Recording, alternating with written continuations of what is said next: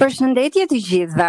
Ashtu sikurse po ndodh tashmë vazhdimisht, Futural është duke vet në ciklin 19 minuta ku promovon modelet që frymëzojnë të rinjtë. Sot kemi të ftuar një personazh shumë interesant, i cili quhet Andri Xhahu, dhe unë do doja që Andri të na prezantohej tani. Andri, përshëndetje. Përshëndetje, përshëndetje Doralda, faleminderit shumë për këtë ftesë shumë simpatike. Është një përvojë e re për mua. Ju përshëndes. Faleminderit që edhe më ftove dhe më prezantove bukur. Un uh, u bë gati shumë vite që që bëj radio edhe gjithë më thonë si Andri i radios edhe ma kanë harruar mbiemrin. Kështu që Andri i radios. Në fakt edhe unë ashtu do doja të ta bëja prezantimin sepse uh, uh, gjithmonë ke qenë një ikonë e e përmendur, por që asnjëherë nuk nuk kisha mundur që ta bëja lidhjen e zërit me me atë profilin tënd profesional dhe besoj ashtu si kundër unë edhe dëgjuesit tanë do janë shumë kuriozë të mësojnë për Andrin uh, i cili jo vetëm që është një personazh i, i dashur besoj për të gjithë ashtu si kundër dhe për mua, të, të na njohë pak më tepër me me veten, profesionin, me ato modelet pozitive që ka në jetë edhe do donte t'i ndante me, me të rinjtë e Futural. Patjetër, patjetër me shumë kënaqësi Doralda edhe për, për ty absolutisht që, që duhet të, të bësh radio, sepse e ke zërin shumë të mirë. është defekt profesional, lidhem, lidhem me zërin e personazheve e njerëzve më shumë se sa me gjithçka tjetër. edhe Futuralit padyshim për këtë mundësi. Um, unë do t'ju tregoj një episod që ndodhi vetëm para 2-3 ditësh. Kisha të ftuar një nutricioniste dhe shoqërohej nga një person i njohur i saj, dhe teksa po zbrisnim shkallët për ta përcjellë pas intervistës më thotë uh, ai djali që uh, Andri mos ke bërë emisionet e darkës para shumë vitesh me telefonata diku në vitet 2006-2007 po i thashë Mban mend një zotëri Ylberi nga Kavaja që të telefononte? Po, thashë e mbaj mend. Tha, ai është daja im, por tha, unë gjithmonë ia formoja numrin për të të marrë ty në emision, dhe daja fliste me ty, unë tha të dëgjoja dhe nuk besoja që pas kaq shumë vitesh do të takoja. uh, i thashë ti mund të kishe menduar ndonjë Alen Delon, po ja tek ke një, një person shumë të thjeshtë me tjegulla të rëna që që bën radio dhe do atë punë që bën. dhe ne në fakt Andri do donim që ta njihnim, pra një person i cili për 16 vite ka punuar në radio dhe televizion, dhe ka investuar në formën e vet duke shfaqur modelin personal ashtu si kundër ai është me zërin e vet, me qëndrimet, me gjithçka tjetër që e bën profesionin të jetë i veçantë. Pse zgjodhe, pse zgjodhe radion Andri?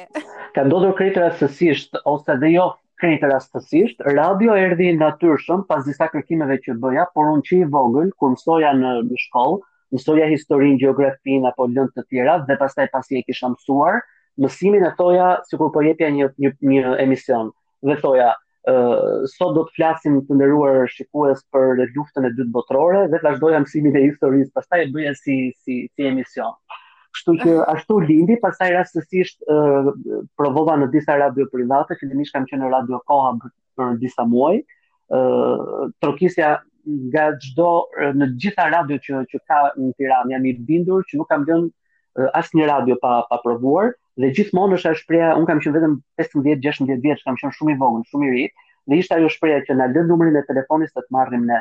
Dhe gjithmonë dhe gjithmonë zhgënjesha sepse nuk më merrnin dhe kur shkoj në Radio Tirana bëj një provë dhe më thonë të njëjtën gjë që na lë numrin e mhm. telefonit se do të të marrim dhe kur më morën pas dy ditësh që e Andri sepse do të jetë një emision për të rinj dhe eja ta provosh, dhe më erdhi mirë që nuk nuk hoqa dorë sepse kam qenë bashkë me një kolegen time bashkë me një vajzë tjetër që trokisnim të dy. Ajo u lodh, hoqi dorë, sot është aktore humori e ka vijuar karrierën e saj, ndërsa unë vijova me këmbgulje dhe mendoj që këmbgulja është kryesorja, pasioni pa dyshim, dëshira shumë e madhe, dhe mbi të gjitha t'i vendosësh këto mbi pjesën monetare dhe të parave. Ato do të vijnë me siguri për një një moment tjetër. Un kam punuar për 4-5 vite në mënyrë vullnetare me pagesa shumë të vogla, të rralla, por nuk më linte pasioni për për radion, edhe kur isha pjesë e një grupi të, të rinjsh ku bëra pjesë në, në Radio Tirana, menjëherë pas puntatës së parë, drejtoria, ka qenë drejtoria e ekipit dikur në radio, më telefonon dhe më thotë që gazetari i, i emisioneve të mbrëmjes në fundjavë është larguar dhe duhet që ta bësh ti. E bën dot, po nuk thoja kurrë jo, dhe sot e kësaj dite më konsiderojnë si personi që nuk thotë kurrë jo. E bën këtë e bëj to jo. Edhe edhe pse mund të kisha shumë vështirësi, po thoja gjithmonë po e bëj. dhe shtyja veten në limite për ta për ta bërë dhe kështu mora emisione më vete, ë tre herë në javë, pastaj 7 ditë në 7 për shumë vite edhe deri sot, që nga 2004. Andri, unë do doja në fakt të nënvizoja një fjali që ti e the, që unë kam bërë punë vullnetare dhe është e rëndësishme që punën ta bësh me pasion. Po. Unë do doja në fakt që për të gjithë ata të rinj që ndoshta janë në profesionin tënd, po edhe në profesione të tjera. Në momentin që aplikojnë, uh, disa dyer ju mbyllen dhe duket sikur ata demoralizohen, çfarë mesazhi mund t'ju japin? Pra çfarë çfarë ke ti diçka që e ka bërë të jetë çelësi suksesit tënd në raport me me durimin, pasionin, edhe për të provuar, edhe edhe pse ndoshta nuk nuk të kanë marrë në punë apo nuk je pranuar atje ku ti ke dashur fillimisht. Shumë e bukur, shumë i bukur ky detaj që kape sepse është shumë e rëndësishme Doralda që që të japim këtë mesazh. Ndoshta unë nuk mund ta them kaq bukur me fjalë sa që kam thënë me përvojën time, sepse më janë thënë shumë jo, më janë mbyllur shumë dyer dhe në, në institucionin ku jam tani në Radio Tirana në 2004 kur unë nisa, kisha një uh, mënyrë të të prezantuarit të shpejt, flisja shumë shpejt, edhe më thonin, po pse flet si nga radiot private, këtu je në Radio Tirana, do të jesh serioz, më gjykonin, nuk më merrnin seriozisht, isha shumë i vogël, aty ishën të gjithë gazetarë të jashtëzakonshëm, të shkëlqyer, me shumë përvojë, me shkollë, me universitet mbaruar, unë isha vit i parë, vit i dytë gjimnaz, por pavarësisht paragjykimit, pavarësisht mos dhën, mos dhënies dorë për të ndihmuar, pavarësisht se lodhesha dhe nuk sillja para në shtëpi, por përpiqesha të krijoja përvojën se unë 17 vjeç apo dhe 22 nëse do kisha përfunduar universitetin dhe të kisha kërkuar radion, përvojën nuk e krijon dot nëse nuk punon qoftë edhe në mënyrë vullnetare dhe nëse gjithmonë nëse bën atë që që dëshiron, se ti mund të bësh punë nga më të ndryshme për x arsye, për të mbijetuar, për paranë e tjera, por nëse flasim për pasionin, duhet që të japësh më shpejt, të japësh këmbënguljen se sa dorëheqjen. Mua më ndodh shpesh më shkruajnë të rinj dhe më thonë që Andri duam të provojmë në radio dhe pyetja ime e parë është po çfarë ke qejf të bësh? Dhe pyetja që më kthehet është po a paguhet rregullisht çdo muaj apo nuk merret rroga çdo muaj? Pikërisht, kjo ishte ajo që doja të doja të nënvizoja. Domethënë gjithmonë priremi që të pyesim pagesa, rroga, po. përfitimet. Ndërkohë që ti je duke na dhënë një shembull që është shumë pozitiv dhe që mendoj që duhet t'ju vlejë të gjithëve për të për të ecur përpara. Besoj po, besoj po, duhet patjetër puna fillimisht, pastaj ti me punën tënde, unë s'dua të flas shumë për veten, po pas kaq vitesh punë duke treguar secili dhe çfarë është i aftë të bëjë, vjen paraja vetë edhe e kërkon, pastaj ke gojë dhe ta kërkosh sepse ti ti ke investuar te vetja, ke investuar te pasioni yt, dhe kështu mundesh që ta realizosh. Nuk jam as për pjesën tjetër se ka dhe shumë abuzime në media, Doralda. Ka shumë abuzime në media, po, po marrin të rinj, ndoshta dhe dhe më të të shkolluar me përvojë dhe nuk i paguajnë. Ne i shesim krahun e punës një vendi, nuk i shesim shpirtin. Kështu që duhet edhe patjetër edhe pagesa shumë e rëndësishme në një moment tjetër. Sigurisht. Por duhet nisur nga nga ajo, duhet ta duash një gjë të punosh fort, të ngulësh, të durosh, duhet të jesh shumë i durueshëm edhe ja del gjithmonë. Andri, unë në fakt do doja të të pyesja për diçka tjetër që jam pa. Po. shumë kurioze. Mm -hmm. Zakonisht është shumë e vështirë që të ftuarit të pranojnë të vijnë në emisione, sepse mhm. kjo lidhet edhe me personin, se sa se sa qejf ka të bëhet publik, se sa i artikuluar është. apo çështje që janë shumë personale. Po. Por unë e di se tek ti të ftuarit vijnë me qejf, ke ndonjë çelës që i bën për vete Andri.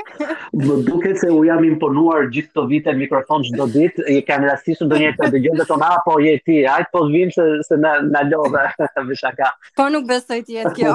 Uroj shumë, shpresoj shumë mos jetë kjo se çfarë ndodh. Megjithatë, unë kam arritur në një pikë ë të paktën pas gjithë këtyre viteve që që jam me me programet e radios edhe me të ftuar në studio, të ftuarit kërkojnë të vijnë vetë.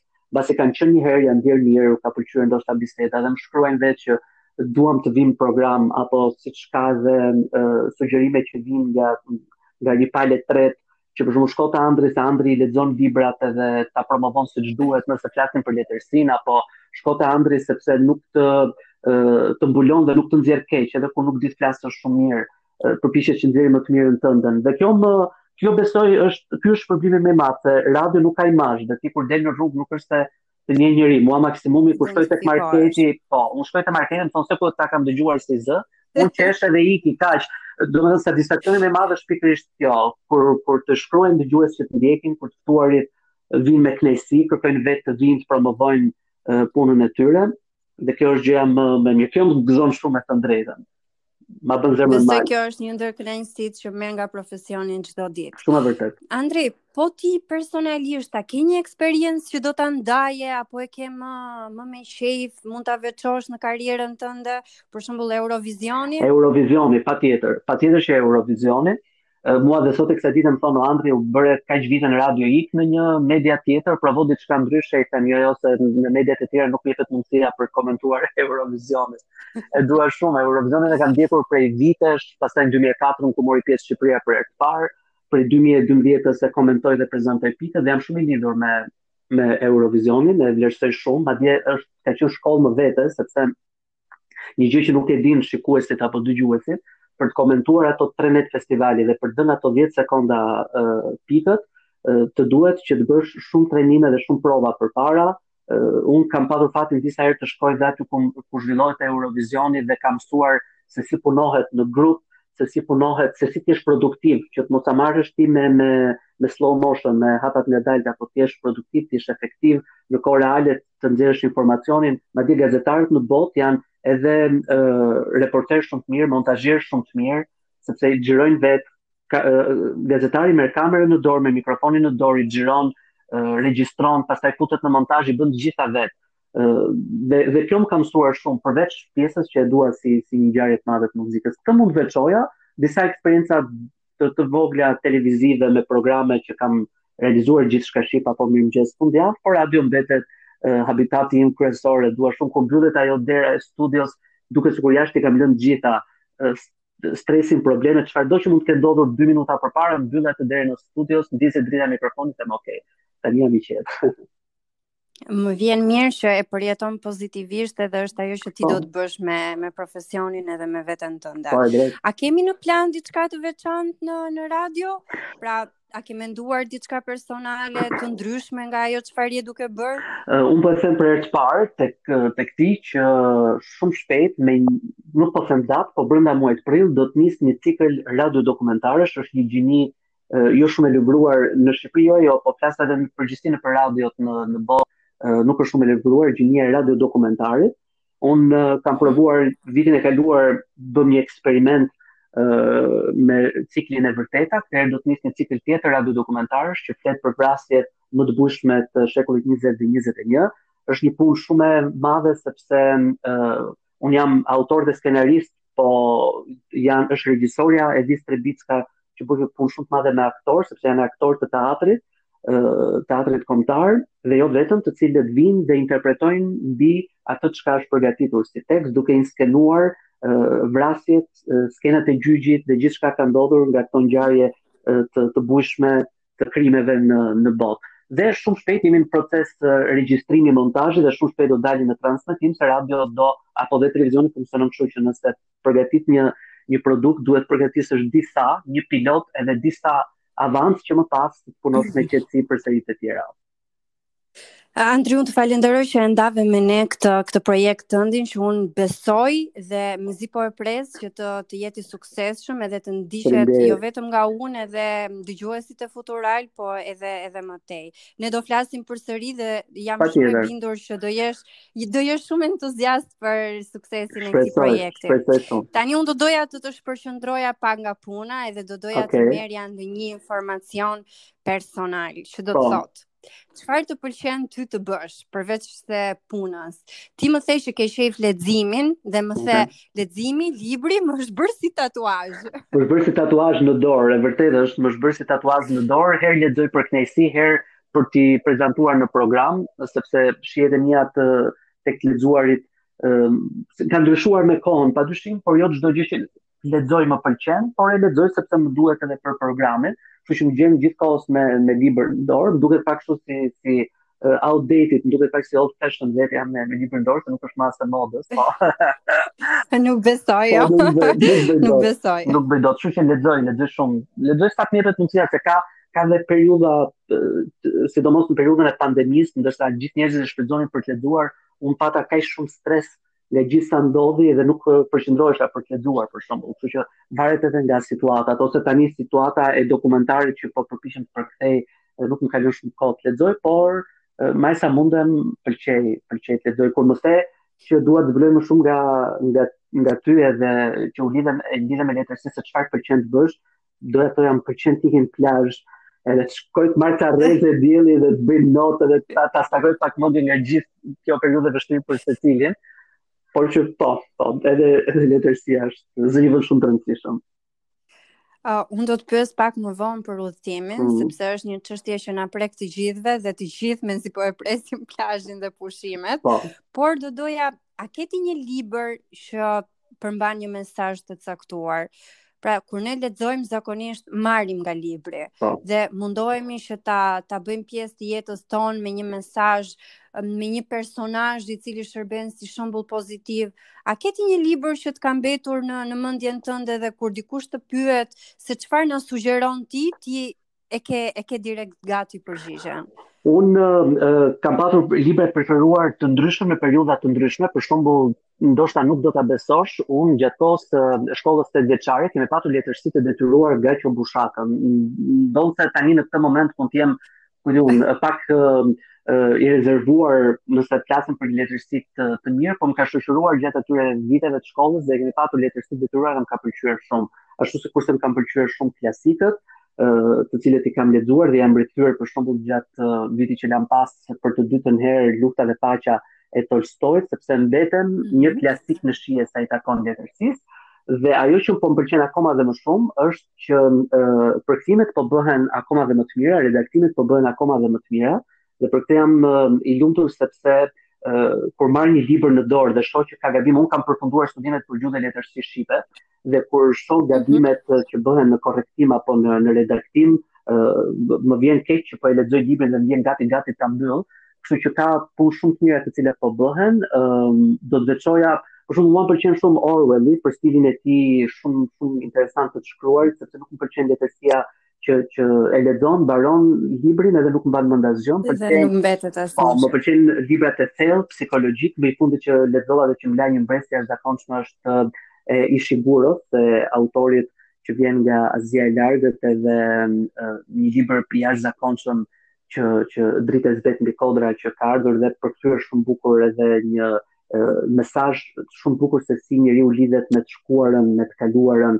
se si duhet që të gjejë forcën për të ecur përpara, me tema shumë shumë të bukura, ndërsa libri që do të sugjeroja patjetër për t'u lexuar, që mendoj se është letërsia më e mirë e shkruar 10 vitet e fundit, edhe që do të jetë një klasik modern, një klasik bashkëkohor, është padyshim Aramburu me Atdheu, është një uh, shkrimtar spanjoll, libri titullohet Atdheu, Patria, në gjuhën origjinale, mm -hmm. dhe Aramburu është një shkrimtar fenomenal, fenomenal, do t'ua sugjeroja, se më duket veta kështu tani sikur po po po ndihmoj po më beso Doralda nëse sepse e di që vetë ti lexon në momentin që do ta kesh librin në dorë do ta lexosh do të thuash aman Andri ç'më bëre. Edhe gjithë, edhe gjithë ata që na ndjekin. Ne do ta diskutojmë përsëri në një podcast të veçantë. Se jo, se jo, beson. Jam shumë e sigurt për këtë. Vdes të bëj kësi diskutimesh për libra, sa herë më keni gati. më vjen shumë mirë. Besoj edhe dëgjuesit e Futural do të jenë shumë të lumtur që në këtë komunikim të marrin mesazhe pozitive dhe jo pse të të kuptojnë se uh, disa gjëra duhet duhet t'i kërkojmë, duhet uh, të investojmë, po edhe duhet të lexojmë. Pra, është janë të gjitha shumë të lidhura me njëra-tjetrën. Andri, po. unë do doja në fakt ti ma the që ke qejf udhëtimin. Edhe mm -hmm. a ka një vend të preferuar tëndin ku do shko do doje të aratistesh? Po, gjithmonë, nuk besoj se do ndryshojë kjo kjo dëshirë që kam për të shkuar gjithnjë e më shumë në Zvicër. para shumë vitesh, kur kam bërë një trajnim në Spanjë para 11 vitesh, më pëlqenin vendet e zhumsh, e zhumshme, më pëlqente Spanja, Madridi, Barcelona, që kanë shumë jetë, kanë shumë gjallëri, vend mesdhetar. Por duke u plakur, më duket, po më pëlqejnë vendet e qeta, më pëlqen Zvicra. Nuk është konstatim i drejtë ky. më më beso, më beso Doralda që ka lidhje me këtë, ka lidhje me këtë që dua patjetër qetësi, Zvicra të ofron edhe metropolin, të ofron edhe natyrën e bukur, të ofron ushqimin e mirë, të ofron kulturë, dakord, jo shumë sa që mund të ofronte për shembull nëse shkon, po them në Romë, apo nëse shkon, ku di unë në qytete të tjera që kanë shumë histori, arkitekturë, art, po Zvicra është një vend i qetë, zviceranët thonë për shembull që duhet të pensionistët shkojnë dhe pensionohen në në Lugano, një që është një qytet në pjesën italisht folëse të, të Zvicrës. Ndërsa unë, ku do që të jetë, mjafton të jetë Zvicër, edhe të, të mbushem me frymë në atë ajrin e pastër, edhe ta, kam, kam patur mundësinë ta vizitoj disa herë dhe më pëlqen shumë. Aty do shkoja gjithmonë e gjithmonë dhe zotoj ajo. Shpresoj të të plotësohet dëshira në vazhdimësi për të për të mbushur këtë këtë kënaqësi tënden e cila besoj është e drejtë. Pra njeriu kërkon të ketë ato vendet e veta për t'u aratisur, po. qoftë edhe nga e përditshmja. Shumë vërtet. Andri, unë përpara se të kalojmë tek një mesazh mm -hmm. që do doja që ti t'ua jepje dëgjuesve tanë, unë do doja se po vdes për ta bërë këtë pyetje. A ka një moment i cili Pavarësisht se situata ka qenë shumë serioze, të është mhm. kthyer në fani gjatë kohës që ke qenë në regjistrim në radio. Ka pafund, ka pafund. Ë uh, sepse emisioni im është live dhe nëse uh, nëse je live pa dyshim që i ka të gjitha këto. Që nga më është thyer karrigia dhe kam rënë duke folur në transmetim, jam ulur në gjunjë dhe kam vazhduar kam folur sikur s'ka ndodhur asgjë. dhe thjesht vetëm që kam qenë vetëm në studio fatmirësisht. Rasti më i fundit ishte periudha e festivalit kisha të ftuar vëllezërit Korçar, Endri dhe Stefi, dhe uh -huh. njëri prej vëllezërve uh, nuk e dinte që emisioni ishte live dhe pavarësisht unë e kisha thënë dhe i bie telefoni dhe futet poshtë tavolinës dhe thotë jam në emision të marr më vonë ndërkohë ne ishim live dhe e gjitha u dëgjua në transmetim po ta them shumë të qeshura duhet të përpiqesh ta ta menaxhosh situatën ta trajtosh si një gjë normale jo si një gjë sikur obobo çfarë ndodhi dhe të mos mundesh t'ia dalësh. Uh, ka patur plot, ka patur raste uh, që të ftuarit janë ngatërruar, edhe janë vënë ata në siklet dhe më është dashur mua pastaj që t'ia uh, t'ia superoj si, si situatë, pastaj kur kam patur dikur në fillimet e mia emisione me telefonata dhe këto të drejtpërdrejta dhe telefonuesit ka patur raste që edhe edhe shanin. kur merrni në telefon dhe unë unë mësova, dhe unë mësova, të them, të tregohem i durueshëm dhe të them faleminderit. Imagjino tani të thonë të shajnë në transmetim, të të shajnë në transmetim dhe të thuash faleminderit për telefonatën. Që nga brenda të vjen. Vjen të thua. Dhe këto janë përgjegjësitë e profesionit. Shumë e vërtetë, shumë e vërtetë. Po ato kanë ndodhur, kanë qenë falë Zotit në, në minorancë ka ndodhur shumë pak herë, sepse emisioni ka qenë i përditshëm dhe shanset kanë qenë të mëdha, po ka patur shumë, ka patur shumë. ë uh, përpiqem të kujtoj ka patur jashtëzakonisht shumë ose uh, në periudhën e pandemisë unë bëja intervista me me telefon në pamundësi për të patur të ftuarit në studio dhe për një cilësi më të mirë i bëja thirrjet nga WhatsApp-i im